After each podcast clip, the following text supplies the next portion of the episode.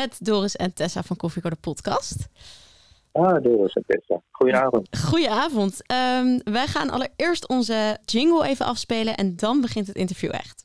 Oké. Welkom bij Koffieko de podcast. De podcast voor en door geneeskundestudenten. Waarbij wij, gewapend met een kop koffie, voor jou op pad gaan om interviews af te nemen met de leukste, interessantste en meest inspirerende artsen van Nederland. Dit is Koffieko. Hey Ko, ja wat doe je daar? Er staat een carrière voor je klaar. Maar je weet nog niet wat en waar. Een cappuccino maakt het minder zwaar. Dus zet je volumeknop omhoog. Want je luistert Koffieko en je weet het zo. Papa, pa, para, para. Welkom bij Koffieko de podcast, de special. Wij zijn Doris, Tessa. En Tiara. en in de special gaan wij in gesprek over vakoverstijgende onderwerpen. Op dit moment is Nederland in de ban van het coronavirus. De feiten en cijfers liegen er niet om. Er is veel aandacht voor en ook wij willen een aantal impressies met jullie delen. Vandaag belt dokter Ronald Smit in om te praten over zijn beroep als straatdokter tijdens de coronacrisis. Hij is sinds 1991 werkzaam voor de afdeling Volksgezondheid van de gemeente Utrecht en zet zich al vele jaren in voor kwetsbare groepen aan de rand van de samenleving. Ronald, welkom. Ja, dankjewel. Was het een goede inleiding? Ja, prachtig. Alhoewel, ik ben wel begonnen bij de GGGD Utrecht. Dat later, vanaf 2014, pas Volksgezondheid Utrecht heet. Mijn excuus. Maar nee, dat gek is. Nou, eh dokter Smit, het is en blijft Koffiecode podcast. En onze eerste vraag is dan ook altijd, hoe drinkt u uw koffie? Espresso, dubbel espresso, heb ik met name in eh, Portugal leren drinken, en Doepio. Eh omdat het mij gelijk een boost geeft van energie. En die heb ik af en toe wel eens nodig. Eh, een gewone werkdag begin ik altijd met een dubbele espresso. Nou, hup, aan de slag. Kijken wat er ligt, kijken wat we kunnen doen. Een opstartertje. En drinkt u ook wel eens een kop koffie met uw patiënten? Nou, dat is een goede vraag. Nee, eigenlijk niet. Dat houdt u gescheiden. De koffie is voor de privé en de patiënten, dat is het werk. Voor de patiënten hou ik mijn kennis en voor het privé hou ik mezelf voor de koffie en daar geniet ik dan volop van. Het is een moment van rust, hè? ook een moment van bezinning en een, een moment van overdenking. Nou, waar koffie allemaal niet goed voor is. Ja. Dokter Smit, u bent eh, straatdokter. Wat voor vakgebied is dat precies? Een straatdokter kan volgens mij iedereen zijn. Het is een dokter die zich inzet voor het wee van mensen die het heel moeilijk hebben in deze maatschappij. Mensen die extreem kwetsbaar zijn. Vaak hebben ze geen woning en die een afstand hebben tot de reguliere zorg, door wat voor oorzaak dan ook. En in 2014 heeft onder andere mijn collega Ivo van Laren de Nederlandse straatdoktersgroep opgericht. Uh, waar ik vanuit uh, Utrecht ben aangesloten, omdat ja, wij toch al heel lang ons het lot van deze groep mensen aantrekken. Ja, een ontzettend uh, interessante patiëntpopulatie als ik het zo hoor. Nou, vaak een moeilijke patiëntenpopulatie, omdat ze nou, geen tot weinig vertrouwen hebben in de zorg, vaak teleurgesteld zijn, of de deur gewezen, of niet binnengekomen. En vaak ja, door het feit dat ze verdovende middelen gebruiken of gebruiken onder invloed zijn, waardoor je niet echt een betrouwbaar verhaal kunt krijgen. En daarnaast is het ook zo dat een deel van de groep beperkt is in hun gezondheidsvaardigheden. Ze kunnen moeilijk lezen en schrijven, hebben een verstandelijke beperking, maar dat merk je niet 1, 2, 3 omdat ze door het leven op straat of zitten streetwise geworden zijn. Ze weten precies wat ze moeten zeggen om uh, iemand aan de andere kant van de tafel te kunnen overbluffen. Het is best wel ingewikkeld. Het is geen makkelijk vak. Nee, het is geen makkelijk vak. Ik denk in heel veel opzichten, want je ziet ook veel, ja, toch ook wel veel pijn en leed. Hoe is de zorg in Nederland geregeld rondom dak- en thuislozen? Nou, heel moeilijk. Want uh, kijk, we, hebben een heel mooi systeem in Nederland. Van, als jij een zorgverzekering hebt, dan heb je eigenlijk een, een poort naar het ziekenhuis en de zorg. Maar als je dat niet hebt, dan heb je een probleem. Nou, als je een woning hebt, dan is het heel lastig om een uh, huisdokter te vinden. Want ja, een huisdokter dat betekent dat je een huis moet hebben. Nou, deze mensen, takken thuisloos, hebben vaak geen huis. En dan is het heel lastig om naar een dokter te gaan, naar een praktijk te gaan, om je daarin te schrijven. En ja, dat zijn alle, allerlei zaken waardoor er in onze samenleving een groep mensen is die het een stuk moeilijker hebben dan mensen die uh, wel een woning hebben. Omdat voor die laatste groep de zorg toch dichterbij is. En met wat voor problemen komen ze dan bij jou als straatdokter? Meestal gezondheidsproblemen. En vaak worden ze ook door vrienden wel meegenomen. In de zin van, uh, nou, een, mijn die, is ziek en die heeft heel wat nodig. En dan blijkt dat, dat er een hele grote gezondheidsachterstand is. En dan wordt het heel lastig om deze mensen richting reguliere zorg te krijgen omdat ze A niet verzekerd zijn en B ja, toch een, een bepaald gedrag hebben. Dat ze niet therapie trouw zijn, dat ze de afspraken heel lastig nakomen. Dat ze ook vaak veel eigend zijn. Van, ik wil niet meer pillen hebben, ik wil niet dit hebben. En dat maakt het best ingewikkeld. Ja. Ik denk dat u mooi een beeld heeft geschetst hoe het normaal gesproken met de dak- en thuislozen in Nederland eraan toe gaat. Liefst zouden wij hier nog een uh, regulier interview over doen met u. Maar vandaag bellen we u natuurlijk om te praten over de coronacrisis. Ja. Um, wij lazen dat de Nederlandse straatdoktersgroep de noodklok luidt over de medische zorg aan dak- en thuislozen. Ja. Kunt u de situatie onder de dak- en thuislozen nu in de coronacrisis eens aan ons uitleggen? Wat gebeurt er nu op straat? In Utrecht is het zo dat we met de gemeente uh, hebben afgesproken en met de instellingen dat de dak- en thuislozen dat helemaal onderdak hebben en slaapplaats hebben s'nachts. En we hebben een, een noodlocatie opgericht dat als er dak- en thuislozen zijn die besmet zijn met, uh, met COVID-19 of vermoeden van, dat wij die opvangen, mits de gezondheidsklachten niet al te groot zijn. In die zin dat bijvoorbeeld als jij uh, de infectie oploopt en jouw huisarts zegt tegen jou van hé, hey, ga twee weken uh, thuis zitten en ziek uit. Nou, dan kunnen deze mensen niet, want je hebt geen onderdak.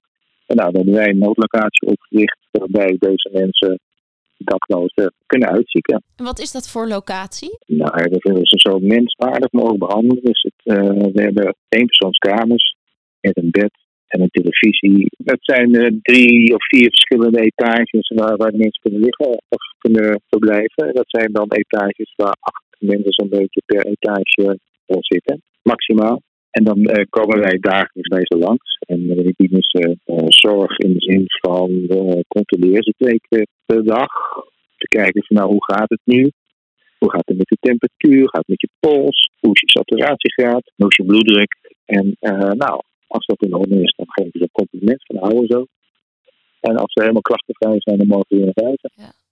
Wel mooi dat dit soort locaties er, dat dit soort locaties er zijn. Ja. En hoe is uw vak, de dagelijkse gang van zaken, hoe is die veranderd?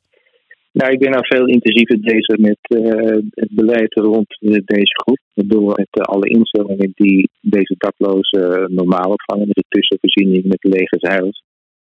En we houden het natuurlijk in de gaten, want uh, ze slapen op sommige plekken in een grote groep bij elkaar. We hebben nog een stadsburg in, in Utrecht, waar 25 mensen bij elkaar liggen. Als er daar eentje is die besmet is geweest en bij ons ligt, dan houden we de rest wel een beetje in de gaten. U spreekt deze mensen, nou, dus eigenlijk twee keer per dag. Wat is de situatie onder de daklozen? Hoe is het welzijn van hun onder deze crisis? Nou, wat opvalt is dat het allemaal nog wel meevalt wat betreft het aantal besmettingen. En aan de ene kant zeggen wij altijd van dat deze mensen hebben een hele kwetsbare gezondheidstoestand. Want eigenlijk lopen ze 15 jaar voor op, op de gemiddelde groep wat betreft verslechtering van de gezondheid. Dus iemand van de 70, een normale Nederlander, een dakloze van 55 zijn in principe qua gezondheid gelijk. Het leven op straat is keihard en met uitgangsgetal. Desondanks is het aantal daklozen met, uh, met besmetting in Utrecht heel erg laag. En in andere steden valt het relatief ook nog wel mee. Hoe komt dat, denkt u? Nou ja, aan de ene, kant is het zo dat zij gewend zijn om met gezondheidsklachten door te lopen. Aan de andere kant hebben ze misschien wel een bepaalde weerstand, waardoor zij wat minder gevoelig zijn voor dit virus. Maar goed, dat is. Wordt dat uitgezocht? Nou, nee, dat weet ik niet. Nee, dat wordt niet uitgezocht. Maar je zou vermoeden, omdat er toch veel uh, CPD, dus mensen hebben veel longproblemen door de roken. Maar desalniettemin zien we ze niet terug in onze bestanden dat ze echt uh, problemen hebben met COVID. Dus dat is best een interessante puzzel.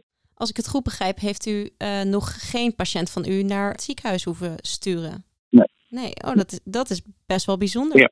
Dus misschien is er nog wel wat voor te zeggen voor dat, de theorie over het immuunsysteem van daklozen. Ja, dat zou dus aan het RIVM voorliggen. Nou, we hebben wel vanuit de schadedoktersgroep een, een onderzoek aangekondigd. We willen wel graag weten wat de impact is van corona op de dak- thuisloze groep nu en in de komende toekomst. En dan niet alleen niet voor gezondheid, maar ook meer dingen. Kijk, een dakloze, die verkopen bijvoorbeeld de straatkrant. Nou, de straatkrant die wordt niet meer verkocht, dus ze lijden ook inkomstenverlies. En dan is de vraag van, hoe kom je dan je geld? Wat zijn de lange termijn effecten, denkt u, voor deze groep? Ja, dat is een goede vraag. We proberen het achteraan. Want dat moeten we gaan doen aan de hand van interviews. En uh, dat kan ik nu niet 1, 2, 3 zeggen. Nee. En we hebben het over de fysieke gezondheid. Gaat relatief best wel oké bij de dak- en thuislozen. En hoe zit het met de mentale gezondheid? Heerst er veel angst bijvoorbeeld rondom het coronavirus? Dak- en thuislozen bang op ziek te worden. Als één bijvoorbeeld schurft heeft, dan, dan mijden ze zo'n persoon als de pest. Ze zijn wel extra alert op het hoesten en niezen en dat soort dingen. En het liefst willen ze niet ziek worden, want het betekent dat ze een stukje vrijheid verliezen. Een stuk vrijheid verliezen. Wat bedoelt u daar precies mee? Nou ja, als thuisloos heb je een bepaalde vrijheid in de zin van je bent niet gebonden aan bepaalde regels die mensen opleggen. Ga je in het ziekenhuis liggen, dan dat je zo om zes uur gewekt niet willen worden gewassen. En je moet om zeven uur uh, je ontbijtje nemen, dat soort zaken. Als je, meer, als je buiten leeft, dan, dan heb je daar een heel andere ritme in.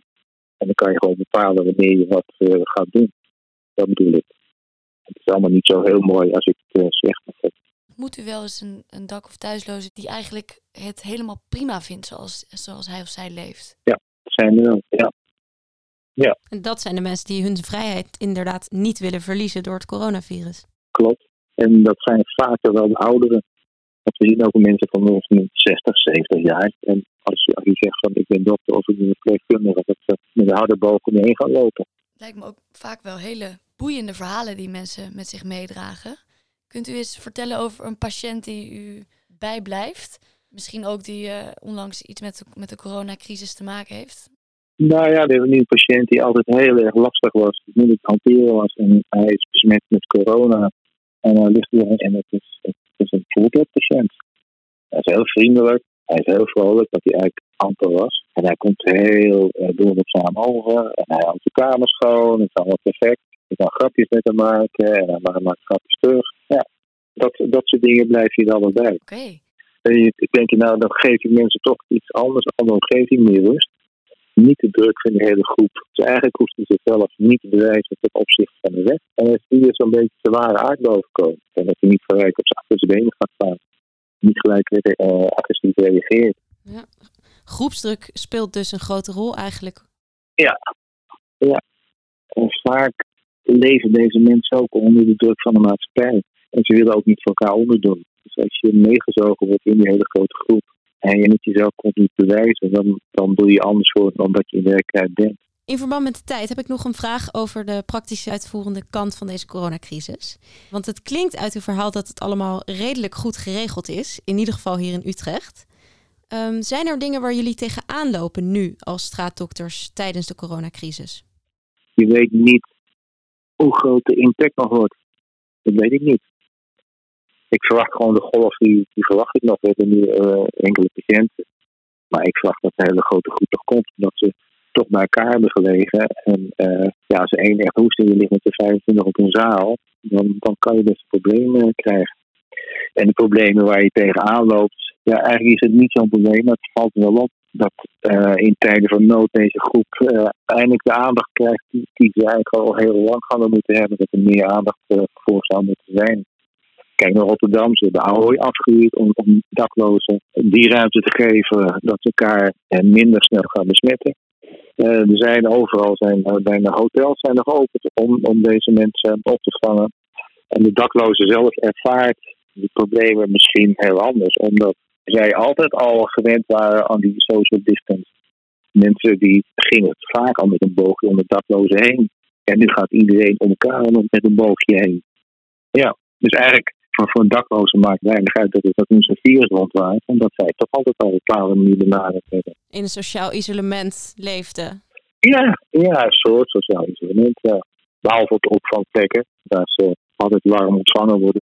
Merkt u uh, dat er meer vrijwilligers zich aanmelden bij dat soort instellingen in deze coronatijden? Dat heb ik wel gehoord, ja. Dat, uh, en ook de meeste studenten die zich aanmelden om, een of ander te doen. Ik, ik wil nog één vraag terugkomen op het vorige onderwerp, omdat ik uh, toch wel erg interessant vind dat daklozen eigenlijk dus al gewend zijn om op anderhalve meter afstand van de rest van de bevolking te leven, om het zo maar te zeggen, buiten de opvanghuizen. Uh, kunt u, kunnen we dan ook stellen dat zij er uh, mentaal beter mee om kunnen gaan dan ja, mensen die een thuis hebben? Dat weet ik niet. Misschien wel. Kijk, er zijn ook wat daklozen, hoorde ik van, die wisten helemaal niet dat er dat zo'n virus rond waren. En ja, zijn we toch aan gewend dat mensen met een boog op zich liepen. Dus als je geen kranten leest en geen nieuws volgt, ja, dan weet je niet wat er gebeurt in Nederland of in de hele wereld. Die, diegene had geen idee dat het coronavirus uh, rondwaaide. Ja, zeker als je als buitenlander hier rondloopt, je bent vluchteling en je uh, leert de taal niet. Ja. En je valt toch ook al uh, overal buiten. Ja. En je hebt geen mogelijkheid om de Nederlandse krant te lezen. Je hebt weinig contact met, met landgenoten. Ja, dan weet je wel. We lopen hier rond, wat gebeurt hier? Kunnen wij in, in dat opzicht wat leren van de dak- en thuislozen in deze tijden van crisis? Ja, nou ja, behandelen dak- en thuislozen als een mens. Ja, dat zijn ze ook, hè?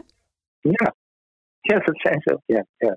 Nou, dat is wel een mooie boodschap aan de bevolking van Nederland, die nu hopelijk uh, een aantal daarvan luisteren. Heeft u ook nog een, een, een eindboodschap of een, een tip voor de jonge dokters van de toekomst?